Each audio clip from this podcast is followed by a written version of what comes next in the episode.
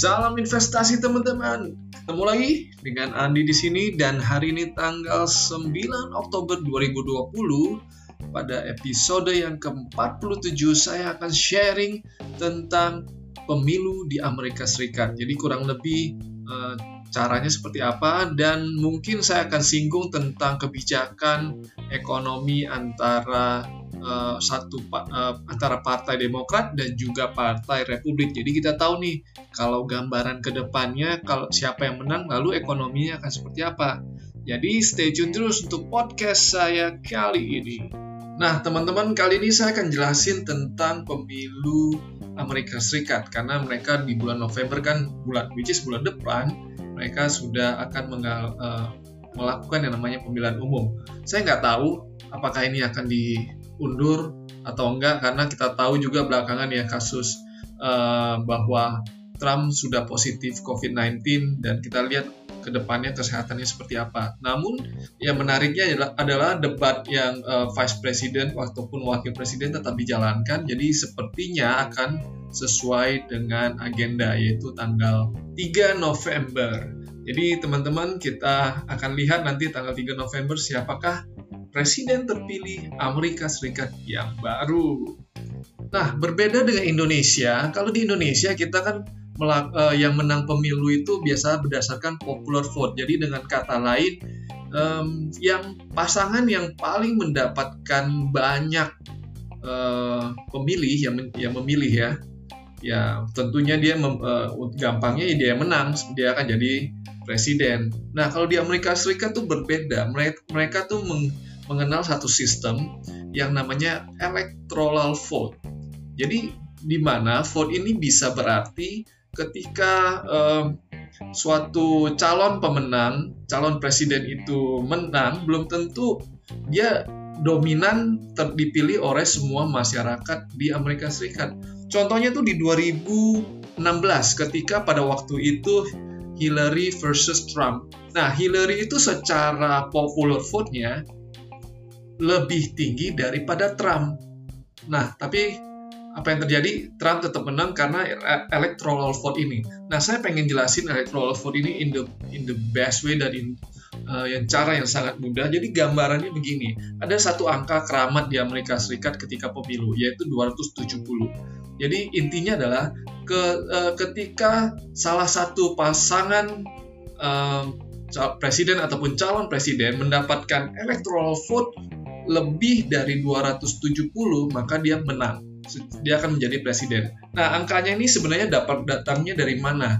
Sebenarnya angkanya ini adalah total representatif uh, yaitu 435 representatif di Amerika Serikat yang tersebar di seluruh states-nya Amerika Serikat, kemudian ditambah 100 senators yang ada juga tersebar di seluruh uh, state di Amerika Serikat, ditambah tiga orang dari perwakilan District of Columbia. Nah, totalnya adalah 538. Kalau dibagi dua, 269. Nah, makanya angka keramat 270 itu muncul. Dengan kata lain, siapa pun yang mencapai angka 270, dia langsung bisa dinobatkan sebagai Presiden Amerika Serikat. Nah, jadi gampang ada yang bertanya lagi nih kema uh, kemarin kepada saya, di lalu siapa yang menentukan itu dalam suatu uh, provinsi contohnya ya, provinsi itu berapa representatifnya. Nah, sebenarnya itu tergantung dengan jumlah penduduknya, teman-teman. Jadi, seperti di uh, di California, di New York, dan Texas. Jadi, uh, kurang lebih ini salah satu provinsi ataupun state yang dengan jumlah penduduknya besar, otomatis dia mempunyai representatif yang lebih besar. Jadi uh, ini menjadi rebutan juga pada uh, para calon dan presiden dan wakil presiden. Nah, saya ingin kasih gambaran yang gampang. Contohnya saya ambil contoh di provinsi di uh, Jawa Timur, ya. Nah, di Jawa Timur dibandingkan dengan di Sumatera Utara. Nah, secara populasi di Jawa Timur kan lebih besar dibandingkan di Sumatera Utara. Nah, representatif otomatis representatif di Jawa Timur lebih banyak ataupun lebih besar dibandingkan yang ada di Sumatera Utara. Jadi banyak uh, pemilu ataupun presiden-presiden tersebut mengincar jumlah state ataupun jumlah provinsi dengan representatif yang banyak dengan kata lain populasinya juga besar. Nah itu ya tadi Texas, kemudian ada hmm, California dan New York. Nah itu teman-teman uh, sekilas tentang electoral vote yang berlaku di pemilu Amerika Serikat. Ingat, lawannya uh, kalau yang dipakai di Indonesia adalah popular vote. Jadi dengan kata lain, yang paling banyak yang menang. Kalau di sana belum tentu. Yang berlaku adalah electoral vote, yaitu siapa yang bisa mencapai angka 270 uh, vote dulu. Begitu teman-teman. Nah, kemudian di Amerika Serikat terdapat beberapa partai, teman-teman. Namun yang paling berkuasa adalah Partai Demokrat dan Republik. Biasanya dua ini yang paling berkuasa. Jadi dan dua ini yang selalu rebutan terkait dengan uh, presidennya. Um, kemudian pertanyaannya adalah antara Trump dan Biden. Trump mewakili Republikan dan Joe Biden mewakili Demokrat. Nah, kebijak kalau mereka terpilih sebagai presiden, kalau contohnya Trump terpilih kembali, apa sih kebijakan-kebijakannya? Tentu saja kalau Trump terpilih kembali menjadi presiden, dia akan terus uh, sesuai dengan uh, strateginya ataupun ya ya saat ini kebijakan ekonominya adalah salah satunya adalah dia mengurangi uh, tax dari perusahaan-perusahaan yang ada di Amerika Serikat. Ini bagus banget buat perusahaan-perusahaan, jadi cenderung mereka menerapkan tax yang lebih kecil untuk uh, ya white collar ataupun pengusaha-pengusaha. Makanya kita bisa lihat Dow Jones performance-nya juga selama pemerintahan Trump ini pecah rekor terus ya. Walaupun sekarang sudah uh, walaupun terkena COVID-19 kita lihat bahwa sekarang Dow Jones nggak min, paling minus sekitar minus 5%, nggak nggak nggak begitu parah ya dibandingkan dengan Indonesia yang minus 20 persenan. Nah, berbeda kalau Joe Biden yang menang, kemudian rencana yang pertama kali yang dia akan kemungkinan yang akan dia lakukan adalah menaikkan pajak dari uh, pajak pendapatan dari perusahaan-perusahaan tersebut. Dia cenderung uh, pajak yang didapatkan oleh perusahaan-perusahaan tersebut ya dinaikkan, dialihkan ataupun uh, disalurkan ke masyarakat ke bawah bisa melalui program kebijakan fiskal ataupun uh, kebijakan yang sifatnya sektoril. Contohnya dulu Obamacare. Nah, itu sifatnya. Jadi universal. Sedangkan kalau di Republikan cenderung mereka ke private sector. Jadi nggak semua orang. Contohnya, nah ini yang lagi diributin juga. Salah satunya ketika Trump menjabat menjadi presiden, salah satu hal yang dia paling tentang adalah tentang uh, Obamacare ini Nah ini yang akan dihentikan diganti dengan program kesehatan yang baru yang menurut saya banyak yang bilang juga nggak uh, nggak universal sifatnya. Ada pengecualian terhadap kondisi-kondisi um, tertentu. Kemudian perbedaan lain terkait Republikan dan Demokrat mungkin terkait dengan um, kebijakan um, budget dari pertahanan mereka. Nah, Republikan di zamannya Trump biasanya di zaman presiden yang berasal dari Republikan, mereka cenderung memberikan budget yang besar untuk defense-nya mereka, untuk uh, pertahanan militer mereka, untuk pengembangan militer mereka. Nah, itu yang menariknya. Dibandingkan dengan presiden yang berasal dari Demokrat, mereka biasanya lebih santai dan nggak mau begitu, uh, agak sedikit menurunkan budget uh, militer mereka, mereka lebih cinta damai sepertinya dibandingkan ya tentunya dengan uh, Republikan. Itu itu itu perbedaannya kalau dari segi militer. Kemudian perbedaan yang lain apa ya?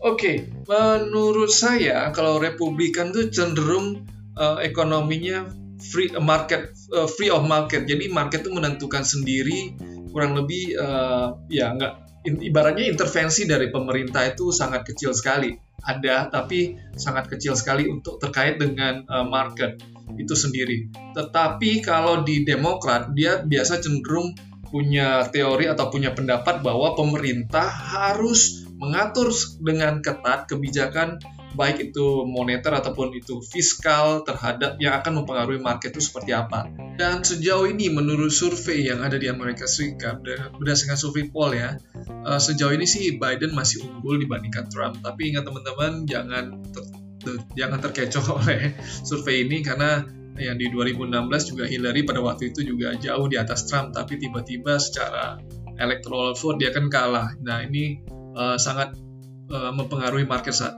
saat itu saya ingat banget tuh ketika Trump terpilih um, besoknya itu market turun drastis, tapi kita lihat sifatnya hanya temporary. Market kembali naik dan uh, pasar juga oke okay terhadap kebijakan-kebijakan uh, yang telah uh, yang diambil oleh uh, Presiden Trump dan ya so far kita lihat sampai sekarang ini Dow Jones juga uh, memberikan imbal hasil yang uh, lumayan oke okay, ya dibandingkan dengan negara-negara yang lain.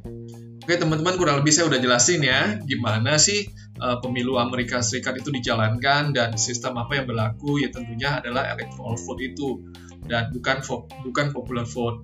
Jadi teman-teman itu yang penting. Kemudian saya juga udah jelasin secara singkat sih ya nggak bisa panjang uh, nggak bisa terlalu panjang tentang kebijakan dari part, uh, kebijakan dari Partai Demokrat dan juga dari uh, Partai Republik. Kalau sekarang ini Trump ini dari Partai Republik, Joe Biden dari Partai Demokrat. Nah, lalu intinya adalah pengaruhnya terhadap Indonesia itu seperti apa, teman-teman? Nah, jangan, jangan kita nggak bisa lupain bahwa uh, siapa pun presiden nanti uh, Amerika yang uh, akan terpilih itu akan memberi akan memberikan dampak terhadap um, pasar modal di dunia, bukan hanya di Indonesia. Karena kenapa? Sampai sejauh ini Amerika Serikat merupakan ekonomi yang terbesar di dunia sebagai contoh, con uh, apabila Trump terpilih kembali, tentu saja trade war jilid 2 itu nggak bisa dihindarin ya. Kita akan melihat bahwa uh, Trump akan terlalu, akan mengambil segala tindakan terkait dengan perang dagang uh, terhadap China dan mungkin akan ada penambahan tarif pajak lagi terhadap negara-negara yang selain China bisa aja ya bisa aja terjadi itu dan uh, contoh yang lain adalah Sebaliknya, kalau Joe Biden yang menang, bisa aja trade war antara China mungkin bisa meredah. Pas saya saya personally yakin siapa pun presidennya trade war akan tetap ada, cuman dalam tensi yang berbeda. Mungkin kalau Trump itu lebih tensinya sifatnya tingkat tinggi, namun kalau menurut saya di eranya Demokrat ataupun eranya Joe Biden cenderung akan lebih uh, uh, demokrasi lah. Jadi ibaratnya lebih banyak musyawarah untuk mencari jalan tengah. Uh, karena eventually mereka butuh uh, kedua negara ini saling membutuhkan satu sama lain ya. US membutuhkan China dan China juga membutuhkan pasar dari US untuk memasarkan produk-produknya itu sendiri. Lalu pertanyaan berikutnya, um, banyak nih yang nanya, di menurut kamu siapa yang menang ya? Uh, Joe Biden kah atau Trump kah? Well, pertanyaan yang susah dan uh, sepertinya kalau saya sendiri personally saya lebih seneng kalau volatilitas di market tidak begitu tinggi. Dengan kata lain ya, maaf Pak Trump, Anda ini sangat membawa volatility di market walaupun ya ujung-ujungnya ke arah yang bagus tapi volatilitas sangat tinggi ya kan? Kadang tiba-tiba bisa mengeluarkan uh, satu tindakan yang keras tiba-tiba nanti bisa berbaikan. Menurut saya itu volatility uh, sangat tinggi ya di era Trump dibandingkan dengan uh, nanti di era Joe Biden tapi menariknya um, sepertinya kalau dari awal tahun ya, kalau saya melihat kalau nggak ada COVID-19, sepertinya Trump akan dengan sangat mudah mengalahkan Biden pada pemilu tahun ini. Ya, uh, si Trump agak suwe aja.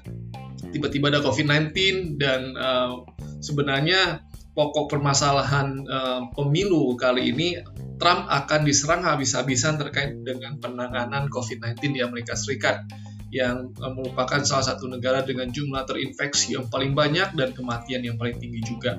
Dan ini menurut saya uh, senjata yang baru ya, yang pemerintah uh, apa yang uh, calon uh, dari Demokrat ini dapatkan senjata yang baru untuk menyerang Trump habis-habisan dan kita bisa lihat uh, akan seru nanti debatenya berikutnya uh, seperti apa.